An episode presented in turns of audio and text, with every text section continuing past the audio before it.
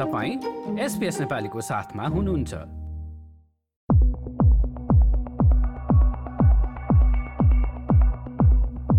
यस हप्ताका प्रमुख समाचारमा सरकारले सङ्घीय र प्रदेश प्रतिनिधि सभाको निर्वाचनका लागि मिति तोकेको छ।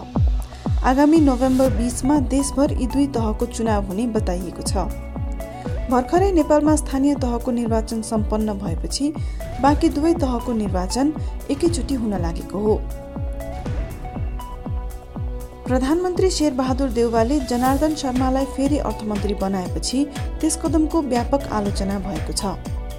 बजेट बनाउने क्रममा अनधिकृत मान्छेलाई प्रवेश गर्न दिएको भनेर राजीनामा गर्न दबाब दिइएपछि शर्माले गत महिना पदत्याग गरेका थिए। तर त्यस घटनाको छानबिन गर्न बनेको समितिले कुनै अनियमितताको प्रमाण नभेटेको बताएको थियो। विपक्षी दल एमाले लगायत थुप्रै सर्वसाधारणले पनि उनको पुनर्नियुक्तिको विरोध गरिरहेका छन्। संसदका दुवै सदनले नागरिकता सम्बन्धी ऐनमा संशोधन गर्नका लागि बनेको विधेयक पारित गरेका छन्।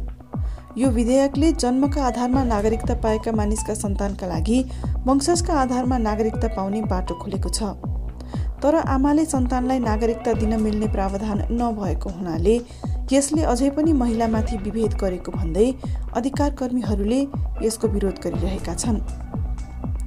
र नेपालको संसदमा प्रस्तुत गरिएको सङ्क्रमणकालीन न्याय सम्बन्धी विधेयकका बारेमा नेपालका द्वन्द्व पीडितहरू सन्तुष्ट छैनन्। र उनीहरूले यसको विरोधमा काठमाडौँमा प्रदर्शनहरू गरिरहेका छन्। यसै विषयमा मैले एउटा रिपोर्ट तयार गरेकी छु। नेपालमा सन् उन्नाइस सय छयानब्बेदेखि दुई हजार छसम्म जारी रहेको माओवादी द्वन्द्वकालमा सत्र हजारभन्दा बढी मानिसको ज्यान गएको थियो र हजारौँ अझै बेपत्ता छन्। द्वन्द्व सकिएपछि त्यस समयमा भएका हत्या बेपत्ता पारिने लगायतका अपराधलाई सम्बोधन गर्नका लागि विभिन्न कानुन बनाइएका छन् र विभिन्न निकायहरू गठन गरिएका छन्।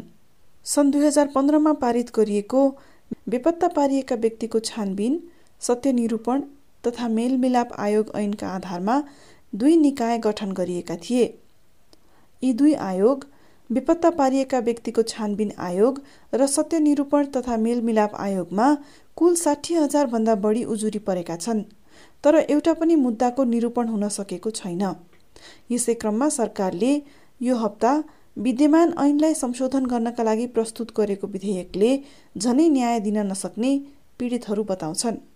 मानवाधिकार आयोगले आयोजना गरेको एउटा कार्यक्रममा द्वन्द्व पीडित साझा चौतारीकी अध्यक्ष मैना कार्की भन्छन् प्रधानमन्त्रीज्यूबाट हामी पीडितहरूलाई ठुलो धोका भएको छ भन्ने अहिलेसम्म हामी अवरोध बाइस वर्ष पच्चिस वर्ष भइसक्यो हामी यो न्यायको क्षेत्रमा हामी न्याय माग्दा माग्दै बुढी भइसक्यो। तर पनि उहाँहरूले चाहिँ परिभाषामा नै मानव अधिकार उल्लङ्घन भनेर हत्यालाई पनि तल ल्याएर जोड दिनुभयो र मानव अधिकारको गम्भीर उल्लङ्घन भनेर चाहिँ कुर यातना के के कुर यातनापछि हत्या के के भनेर त्यहाँ जोड्नुभयो। विधेयकमा हत्या जस्तो गम्भीर अपराधलाई पनि सामान्यकरण गरिएको हत्याको अगाडि क्रूर जस्ता विशेषण जोडिएपछि मात्रै त्यसलाई गम्भीरतापूर्वक लिइने भनिएको र सरकारका प्रहरी र सेनालाई सशस्त्र र विद्रोही पक्षलाई निशस्त्र जस्तो देखाइएको जस्ता कुरालाई पीडितले समस्याकारी मानेका छन्। यो विधेयकप्रति देशका विभिन्न अरू निकायको पनि ध्यान तानिएको छ। मानवाधिकार आयोगका अध्यक्ष तप बहादुर मगरले यो कानुनको संशोधन गर्नुको कुनै उपाय नरहेको एउटा कार्यक्रममा बताएका छन्। आयोगले त्यसमा सक्रिय भूमिका लिन सक्ने उनको भनाइ छ।